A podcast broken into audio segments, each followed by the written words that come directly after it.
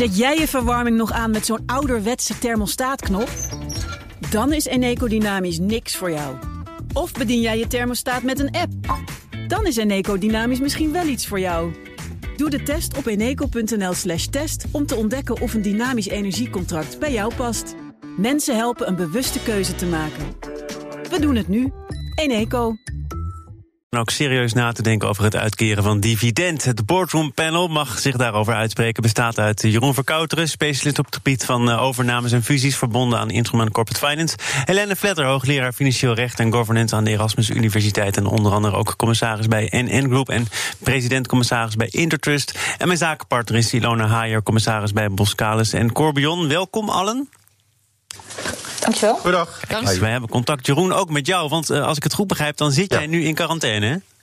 Ja, ik zit in quarantaine, ja. Al twee weken, eerlijk gezegd. Dus uh, wat dat betreft uh, komen de muren wel redelijk op me af. Mm, en nog even voor de mensen die niet precies weten... je hebt de isolatie, thuisisolatie en quarantaine. Jij mag echt helemaal nergens heen? Nee, ik mag in principe nergens heen. Ik moet wel zeggen dat ik niet uh, uh, positief getest ben op corona. Dat hebben ze niet gedaan, maar ik ben met een groep vrienden in uh, Sankt Anton geweest, skiën.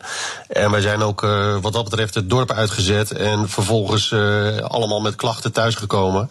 En we hebben voor onszelf besloten om daar dan ook quarantaine van te maken. Ja. En daar zit toch ook een keer een einde aan, of niet? Ja, nou ja, in principe wel. Maar ik heb, ik, uh, in principe voel ik me wel goed. Ik heb ook uh, niet zo zware klachten gehad. Dus een uh, aantal anderen hebben wel wat echt zware klachten gehad. 40 graden koorts, et cetera. Maar ik heb er nog wel een kuchje te pakken. Dus ik heb voor het zekere voor het onzekere. En hou ik dat gewoon eventjes nog veilig. En Helene, ik kan jou niet zien. Ik kan alleen maar hopen en denken dat het met jou goed gaat. Is dat zo? Absoluut, dank je. Gelukkig wel. Ja, ja, ja. Nou, laten wij kijken naar uh, de rol van commissarissen in crisistijd. Het FD ging langs bij wat experts, heeft een rondje gemaakt. Ik, het viel mij op, Petri Hofstee zei uh, dat het om uh, één ding echt gaat. Heb ik nu de goede bestuurders die de juiste actie ondernemen? Hoe zitten die bestuurders er zelf in? Hoe gezond zijn ze? Zijn ze gemotiveerd? Ook in deze situatie. En hoe is de achtervang geregeld? Um, zou dat ook jouw belangrijkste prioriteit zijn, Helene? Ja, ik vond het wel interessant uh, dat zij dat zei. Want uh, uh, ik vind altijd als je een vraag stelt, dan moet je ook bereid zijn om iets te doen met het antwoord. En als je je afvraagt hoe, hoe goed vind ik de bestuurders die ik nu heb, dan betekent dat impliciet dat je ehm, dan ook jezelf de vraag stelt: stel dat ik vind dat ze niet goed zijn, ga ik ze dan vervangen? En je kunt je afvragen of, uh, of dat nu het juiste ding is om te doen in deze tijden van crisis. Ik zou zelf veel eerder insteek kiezen uh, de vraag hoe gezond zijn mijn bestuurders? Heb ik uh, een goede opvolger voor het geval dat ze ziek worden? En hoe goed geven ze leiding in deze tijden van crisis? Uh, dus ik zou het net even iets anders uh, insteken dan dat Petri uh, oogschijnlijk doet. Maar stel dat je die vraag stelt en tot de conclusie komt: nou, het zijn inderdaad niet de goede bestuurders. het leiding geven, dat valt toch tegen nu het er echt op aankomt. Dan zeg jij dus, ook al kom ik tot die conclusie. Je kunt daar nu even niks mee doen, want de situatie is te onzeker om nu vervanging te organiseren. Geen goed idee. Nou ja, het zijn altijd, altijd grijstinten, hè, zoals, zoals alles in het leven. Um, maar. Um, ja, die kunnen we op de radio niet gebruiken. Nee. nee. precies, ik weet het. Dus je wil ja of nee. Nee, hoor, nee, nee, nee, maar toch, is, toch nog even. Want dan, dan, dan laat je natuurlijk iemand zitten van wie je dus weet. Ja, hij of zij voldoet niet. Ja, maar het hangt er van mij dan wel van af uh, uh, wat precies niet voldoet. Kijk, ik denk een van de dingen die ik miste in, uh, in de vijf punten die in het FD naar voren werden gebracht, was ehm, het belang van communicatie eerlijke communicatie, zowel intern als extern. En ik kan mij voorstellen dat misschien iemand niet een ongelooflijk goede, uh, uh, daadkrachtige leider is, maar wel een hele goede communicator. En uh, dus ik denk dat je ook naar andere zaken kijkt dan de zaken die je verlangt van een CEO of van een CFO in normale tijden, tussen aanhalingstekens. Want ik geloof eigenlijk dat er nooit normale tijden zijn. Maar nu is het wel heel extreem. Omdat uh, eigenlijk alles onzeker is. Maar ik vind zelf die, die het belang van communicatie, uh, zowel intern als extern, voorspelbaar daarin zijn en daarin uh, leiding geven, vind ik echt heel belangrijk. Ja, het FD kwam tot, tot vijf tips, vijf cruciale zaken. Ilona, heb jij ze alle vijf tot je genomen? Heb je nog iets gemist? Hè? De, de aanvulling die Helene bijvoorbeeld nu maakt? Ja, ik vind de aanvulling van Helene een hele belangrijke. Ik denk dat uh, ook in tijden, juist in tijden van crisis, dat uh, communicatie ontzettend belangrijk is. Is het altijd, maar nu zeker om uh, niet alleen de juiste toon aan te slaan, maar ook uh, aan te geven in concreetheid wat, je, wat er gebeurt in het bedrijf. Om mensen gerust te stellen, om, op, om informatie te verschaffen, om te laten zien dat er leiderschap is. om een doorkijkje hopelijk te geven, ook verder dan vandaag en morgen. Ja. hopelijk met geruststelling en wat er gebeurt om dat ook allemaal dan uh, voor elkaar te krijgen. Dus uh, ik, ik, ik sluit me bij Helena aan. En toch nog even terugkomend op wat Petri Hofsteen zei in het FD. Ik, de vorige keer dat jij hier was, hebben we het gehad over, dat was weliswaar een politiek kopstuk, maar over minister Bruins. Ja. die diezelfde dag dat jij zei van nou, we moeten toch eens kijken of die, of die man het eigenlijk wel redt. En wat wordt hij toch hard aangepakt, zijn, ja. zijn aftreden bekend maakte. dat geeft dus wel degelijk aan, dit is dan politiek, maar zijn ze gezond? Kunnen ze het aan? Wordt er te veel van ze gevraagd? Uh, en wat als het antwoord op een van die vragen nee is? Ja, het is natuurlijk. He, um, er is niet één leider voor alle situaties. Hè? En ik uh, bedoel, ga de duik alle leiderschapsonderzoeken en alles maar in. Sommige mensen komen ontzettend goed tot hun recht in een crisis. En anderen kunnen daar niet mee omgaan. Of sommige mensen hebben een, fysiek uithoudingsvermogen of een mentaal uithoudingsvermogen, wat anderen niet hebben. Um, ik denk niet dat, ik ben het met Helene eens, dat ik denk niet dat je eerste ingreep is van heel snel iemand van een, van een plek halen. Er zullen ongetwijfeld uitzonderingen zijn. Ik denk wel dat in een crisis dus uh, een crisisaanpak, dus doorpakken, geboden is. Weliswaar goed doordacht, zo doordacht mogelijk. Um, en dat er een uh, alternatief scenario soms wel gewenst is, dan wel um, een, een, kleine, een klein crisisteam om de CFO en de CEO heen bouwen. En dat kunnen commissarissen zijn of wellicht andere mensen zijn. Ja. Om te zorgen dat het zo goed mogelijk gaat en te stutten waar mogelijk. En, nodig. En uh, Helene, ik, ik, kan me zo voorstellen dat misschien nu meer dan, dan het geval was overheen, maar dat een commissaris toch op een zekere afstand verkeert. Terwijl het nu juist verleidelijk is om, om alles te willen weten, om echt vinger aan de pols te houden. Hoe, hoe doe je dat in deze tijden? Ja, ik, ik, denk dat een commissaris uh, in, in, in ieder geval de Nederlandse verhoudingen, maar wat ik heb meegemaakt van uh, de verhoudingen in het buitenland eigenlijk al lang niet meer op die enorme afstand staat die wij wel denken. Ik denk dat alle commissarissen redelijk goed zijn. Ook hier is wat mij betreft een cruciale rol weggelegd voor de voorzitter. En dat betekent dat die voorzitter uh, gewoon goed moet kijken um, hoe het gaat met de onderneming. Dat wil zeggen, een open lijn heeft met het management. En misschien, zoals Ilona suggereert, ook met een crisisteam. Waar, ja, bij de bedrijven waar ik actief ben, uh, is zoiets gevormd. En zijn er dagelijkse calls uh, waarin die, uh, die groep van mensen zich eigenlijk uh, ja, elkaar bijpraat over uh, wat ze aantreffen. Uh, gaat het om zieke werknemers? Gaat het om cliënten die niet betalen? Gaat het om een probleem met een bank? Gaat het om, nou je kunt het zo gek niet verzinnen. En dat wordt dan gefilterd. En wat, wat ik zie bij de bedrijven waar ik actief ben, is dat er vervolgens dan een lijn is naar één of twee commissarissen, de voorzitter en, en meestal één andere die het op zich nemen om dan verder te communiceren met de Raad van Commissarissen. Dus ik denk dat je als commissaris in deze tijden misschien nog wel iets breder moet kijken dan, uh, dan je normaal gesproken doet. En de, hier komen ook, en je ziet het in de krant, zie je het allemaal verschijnen. Hoe komen, uh, wat betekent de crisis voor de kredietfaciliteiten die we hebben lopen bij de banken? Ja. Wat verwachten we dat, dat onze zakenrelaties gaan doen? Gaan die nog wel kunnen leveren? Gaan die nog wel kunnen betalen?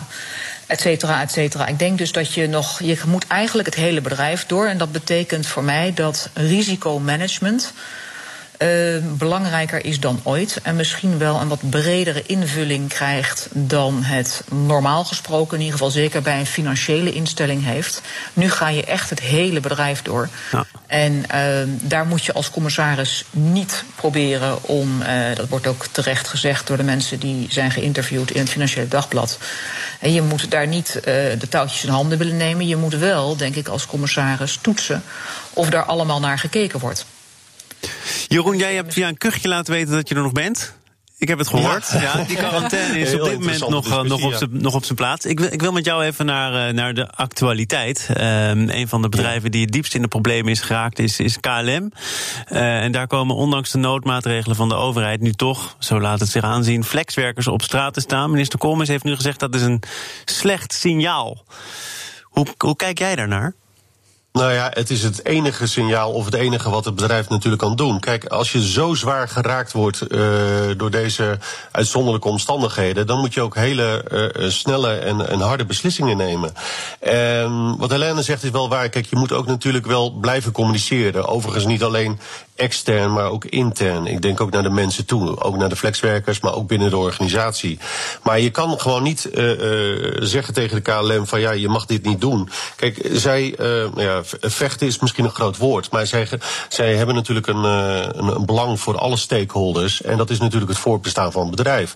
En dat betekent ook dat je gewoon hele harde beslissingen, en misschien ook wel achteraf, kijk, misschien zeggen we over twee weken van nou ja, het was misschien te hard, maar het is beter dat ze het nu gelijk doen dan dat ze twee, drie weken wachten. Ja, nou, er wordt nu dus wel, begrijp ik, gebeld tussen het kabinet en de top van KLM. Want ja, de overheid heeft, en dat is ook uit en daarna besproken, een regeling opgesteld waarin ze, als je echt veel omzet verliest, 90% van het salaris van die werknemer doorbetaalt. Dus dan is de bedoeling, hou ze dan toch nog binnenboord. Ja, dat snap ik. Kijk, uh, op zich is die regeling natuurlijk fantastisch. En uh, voor veel bedrijven zal het ook absoluut iets uh, betekenen. Maar op het moment dat je uh, zulke vaste lasten hebt en ja, zo'n organisatie hebt staan, dan moet je als organisatie ook beslissingen nemen. En het wil niet zeggen dat je dan. kijk, flexwerkers, ja, dat is dan het vervelen van de, de huidige economie en de huidige markt. Er zijn natuurlijk heel veel flexwerkers. Ja, die worden natuurlijk als eerste uh, in dit soort situaties uh, aan de kant gezet. In een situatie van een economische crisis. Ja, ja dat was uh, jaren geleden zo. En dat, wordt weer, dat gebeurt nu weer. Ilona, wat, wat vind jij van, van het optreden van KLM en nu ook de politieke consternatie? Want ja, zo was het toch niet bedoeld? Ja, volgens mij um, ben ik het eens met wat er gezegd is. Want uh, kijk, als, als KLM nu op 10% van de capaciteit zit waar ze normaal op zitten, uh, dat heeft natuurlijk enorme consequenties. En um, ik ga er nog even vanuit dat ook KLM echt niet erop uit is om mensen te ontslaan. Uh, maar wel ook het langetermijn van het bedrijf in oogschouw moet, moet nemen. En hopelijk uh, is er een vangnet voor deze mensen. En komen ze terug zodra het ook weer uh, voorbij is. Maar dit is extreem. Er, er zijn een aantal bedrijven die in dit soort extreme omstandigheden zitten nu. En die vergen misschien nog net even wat anders dan de algemene maatregel die ja. getroffen is. Maar minister Hoekstra, en dan kom ik toch even bij jou met deze vraag. Heeft als een van de eerste gezegd: Schiphol, KLM, dat is nationaal belang. Die houden we overeind. Uh, nu is er dus een heel groot pakket dat voor allerlei bedrijven geldt. En dan is het misschien toch ook pijnlijk om te zien dat KLM, hoewel ze wellicht niet anders kunnen, nu flexwerkers de wacht aanzegt of niet? Ja, om heel eerlijk te zijn, ik, ik, ik vind het allemaal hartverscheurend uh, dat, uh, dat deze maatregelen genomen worden en dat mensen dus op straat staan in een periode waarin ze uh, niet kunnen solliciteren. Laten we dat ook niet, even niet vergeten. Ja. Je kunt niet naar een interview. Um, tegelijkertijd moet een bedrijf ook uh, de stip op de horizon uh, in, de, in ogenschouw houden. En dat is, we moeten voortbestaan. En dan moet je soms hele harde en nare maatregelen nemen. Dus ik denk dat, dat ik de afweging al met al wel begrijp. Um, en, en misschien ook wel steun.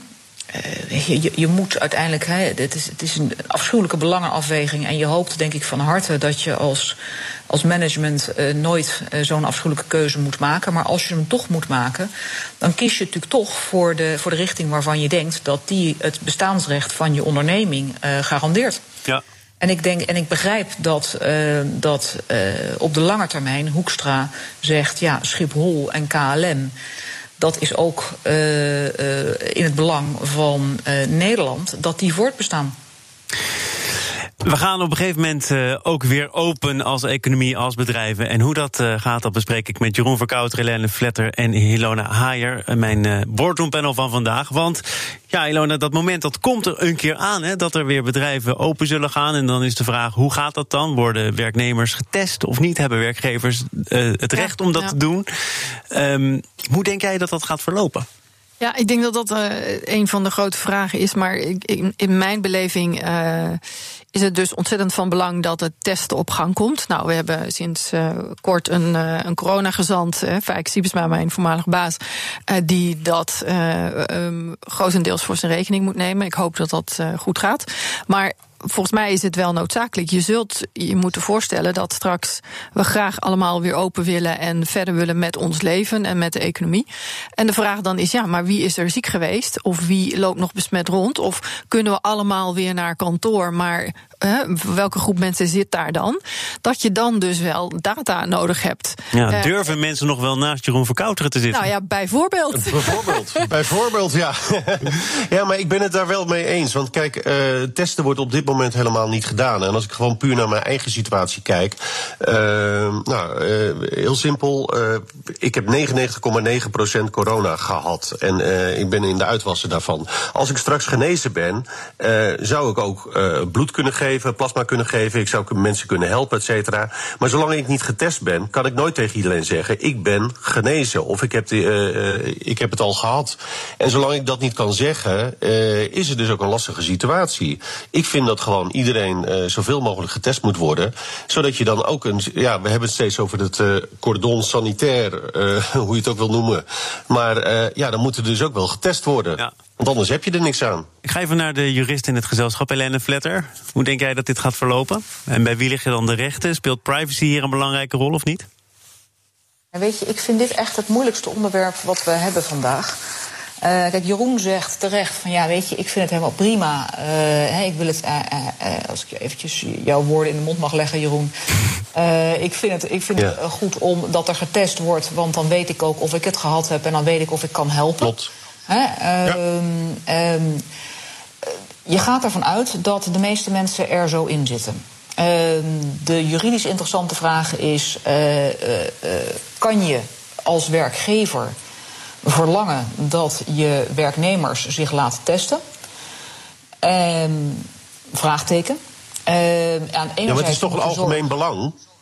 Ja, maar enerzijds moet je zorgen, absoluut. Enerzijds moet je zorgen voor een veilige werkomgeving. Maar anderzijds, als, we hebben hele strenge privacywetten uh, in Nederland, en trouwens in Europa. Um, wat als iemand zegt, nou, ik vind dat, dat je dat niks aangaat. Um, wat doe je dan met zo'n persoon? Dus ik, ik weet daar uh, het antwoord niet op. Is die persoon dan, uh, ze, weigert hij dan om naar zijn werk te gaan? Is, hè, in noem, categoriseer je dat juridisch als werkweigering. Wat, wat, doe je daar precies mee? Ik weet het antwoord niet. Ja, en dan is ook nog de vraag: nee. van, hoe ga je testen? Ga je bloed afnemen? Uh, ik val al flauw als iemand met een, met een naald in mijn buurt komt. dus ik sta niet te trappelen om, uh, om mezelf te laten testen. Nou, Jeroen, Jeroen, nog eventjes ja. jou, jou verweer. Want ik heb ja. toch het idee dat jij denkt: uh, laten we het toch maar doen. Ja, nou, ik ben er absoluut voor. Kijk, ik bedoel, uh, nu wordt spugen, uh, was net in het nieuws ook natuurlijk, dat spugen door de politie nu ook als zware mishandeling wordt gezien. Uh, ja. hadden, we, hadden we een maand geleden ook niet kunnen bedenken. En juridisch gezien is daar blijkbaar nu wel een soort. Um, ja, uh, mogelijkheid toe. En dan denk ik uh, met testen precies hetzelfde. Kijk, ik, natuurlijk je komt er alleen nooit meer vanaf. Hè? Dat is, dat is een beetje de angst, hè? dat je nu dingen toe gaat geven. Privacy kwesties die we tot voor kort heel belangrijk vonden. We hebben ook een autoriteit persoonsgegevens die ook een beetje aan het schuiven is. Ja, dat ja, is verloren grond. Ja, maar ja, kijk, uitzonderlijke omstandigheden zorgen voor uitzonderlijke maatregelen. En natuurlijk kunnen we met z'n allen zeggen van ja, dat kunnen we niet doen. Uh, maar hadden we kunnen bedenken met, met elkaar dat we, uh, zeg maar, uh, ja, deze maatregelen al hadden. Horeca sluiten. Hm. Dat is toch ook een soort, ja, heel ondernemend maar, maar Nederland precies, stil. Maar Jeroen, precies daarom, omdat we, omdat eigenlijk de situatie nu zo extreem is. En wij eigenlijk allemaal beginnen te wennen aan deze situatie. En het over drie, vier weken wellicht wel bijna normaal vinden dat we grotendeels vanuit huis werken. Dus je hebt een verschuivend beeld. En uh, volgens mij, uh, wat Thomas ook zei, ja, weet je kun je dit dan, loop je niet het risico dat je dan ook als er geen corona meer, meer is, dat je dan zegt van nou, maar voordat een werknemer bij ons in dienst komt, willen we hem toch graag nog even op ABCD testen. Omdat dat normaal plotseling is. Want in coronatijden deden we dat toch ook. Ja, het zijn, het zijn uh, bijzondere tijden. Ik wil naar het laatste onderwerp, ook op uh, aandringen van Ilona. Want die, die wil graag de tanden zetten in de VEB. Waarom precies? Nou ja, in de tanden zetten in de VW. Ja, maar ik verbaas. Ja, een beetje wel. Want ik verbaas me een klein beetje over wat ik uh, lees. Omdat ik het uh, niet erg consistent vind. En um, even dan naar de rol van commissaris. Ze hebben twee dingen gezegd. Namelijk ja. schort dividend op, hè? Keer nee, nee, nee. Ze hebben gezegd, je... keer geen bonussen uit. Okay. En, dat is, uh, en dat heb ik gelezen als een uitspraak. vooral in het NRC-artikel waarin de quote staan. Um, als een algemene maatregel oproep tot keer geen bonussen uit. Voor ieder bedrijf? Voor ieder bedrijf. Terwijl bij het dividend ze zeggen, bekijk het uh, case by case. En dat vind ik nogal opmerkelijk en inconsistent. Um, uh, want dan zou je zeggen, oh, dus er gaat wel geld naar aandeelhouders. Dus een, een behoorlijk shareholder model-driven uitspraak. Maar niet naar het bedrijf. Of dat nou bonussen zijn aan top of middenlaag of werknemers. Of wie dan ook, wat mij betreft. dus ik, ik verbaas me een beetje over die inconsistentie ten eerste. Ten tweede zou ik uh, even terug naar de rol van commissarissen. In de Corporate Governance Code in Nederland staat ook duidelijk dat wij de langetermijn waardecreatie van een bedrijf uh, in oogschouw moeten nemen. Ik denk juist in deze crisistijd dat er heel verschillende scenario's zijn. Er zijn bedrijven die. Uh, kei en keihard juist aan de slag zijn nu. Neem de voedselsector, hè, waar ja. ik commissaris ben onder meer. Er zijn bedrijven die in, uh, gerelateerd zijn aan de oliesector, zoals bij Boskalis, die weer een ander vaarwater zitten, projectmatig mensen over de hele wereld vast op schepen. Er zijn ook bedrijven die stilstaan. En ik denk wat dat betreft dat je uh, uh, met die langetermijn waardecreatie en een stakeholder model, wat mij betreft, in gedachten, case by case moet kijken wat is nou het beste om hier te doen. Ook over Wel de bonussen. Over de bonussen en over het dividend. Ja. En uh, het is niks anders dan die uitspraak. Dat ga daar gewoon uh, rationeel zo zorgvuldig mogelijk mee om. Maar het verbaast me dus dat aan de ene kant de bonussen niet en het dividend dan weer wel eventueel. Nou. Ik, ik, ik, hoor, ik hoor de Corporate Governance Code en ik denk meteen Helene Vletter. Ik wil graag horen wat jij ervan vindt. oh, ik ben zo blij met, uh, met Ilona's uh, fileren van, uh, van dit verhaal. Want ik moet je eerlijk zeggen, de, de, als je alleen al kijkt, de coronacrisis vraagt om wederzijds commitment van aandeelhouders en ondernemingen. Ja, wat is dat precies? Commitment. Um, en, en dan gaat het over bonussen.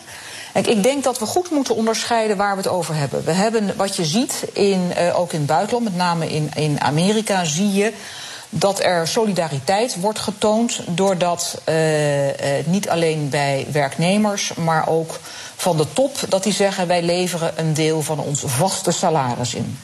Dat is nu. Dat is nu, op dit moment lever je dat al in. Uh, die bonussen, die, uh, de bonussen over 2019 zijn uitbetaald. Dus daar hebben we het kennelijk niet over. Nou, Dan volgens mij, dus... uh, even Helena, ja? is dat zelfs ook nog ter discussie voor de VEB? Want dat is ja, nog niet allemaal uitbetaald. Ja, ja. Maar, maar laten we zeggen, het is, dat is voor 90% uitbetaald. denk ik. Voor de meeste bedrijven is dat in februari of in, of, of in april gebeurd. Ja. Of, ja, dus, of misschien nog deze maand. Maar, maar denk, als het gaat om de bonussen over 2020. Uh, en ik heb even erbij gehaald, want er zijn allerlei uh, instanties die, dat, die die oproep hebben gedaan. Als je kijkt naar de oproep van, uh, van bijvoorbeeld de ECB. Dan zegt hij ja, we willen dat er geen bonussen worden uitgekeerd vanwege kapitaalconservering. Um, dan hebben we het dus over substantiële bedragen, kennelijk. Anders dan, dan slaat het geen deuk in een pak boter. Exact. Um, dus um, de vraag voor mij is: wat wil je nu precies? Wil je dat, er, dat het bedrijf over grotere hoeveelheden cash, want cash is king in deze, in deze uh, tijden van crisis.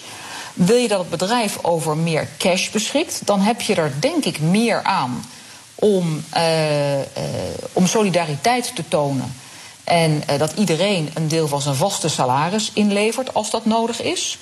Als het gaat om een gebaar, en de VEB noemt dat dan commitment.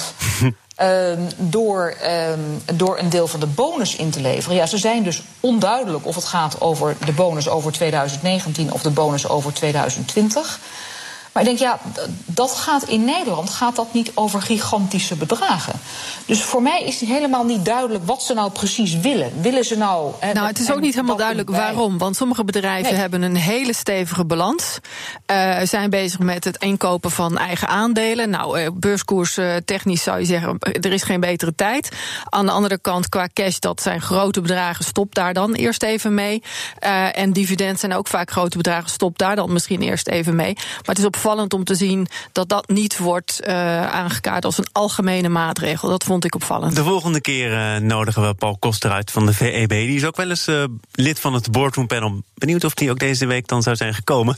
Als hij dit van tevoren had geweten. Um, Jeroen Verkouteren, fijn dat je er was. Succes met je kuchje. En ik ja. hoop dat je snel uit quarantaine mag. De specialist op het gebied van overnames en fusies verbonden aan Interman Corporate Finance. Helene Vletter, hoogleraar financieel recht en governance aan de Erasmus Universiteit. Commissaris bij NN Group en president-commissaris bij Intertrust. En Ilona Haier, mijn zakenpartner. Hopelijk ook tot snel. Ja, hopelijk ook. Morgen dan is er weer een uitzending van BNR Zaken doen... met een van de verliezers van deze crisis, namelijk Steven van der Heijden... de CEO van Corendon. Morgen dus in BNR Zaken doen. Zometeen eerst Nieuwsroom, onze dagelijkse podcast van het FD en BNR. Veel plezier, tot morgen. Eet jij elke woensdag lasagne omdat het zo lekker makkelijk is? Dan is Eneco Dynamisch niks voor jou. Maar kook jij het liefst elke keer wat anders... met het risico dat ze zeggen... Ja, dag, dat gaan we echt niet eten. Dan is Eneco Dynamisch misschien wel iets voor jou. Doe de test op eneco.nl slash test... om te ontdekken of een dynamisch energiecontract bij jou past. Mensen helpen een bewuste keuze te maken. We doen het nu. Eneco.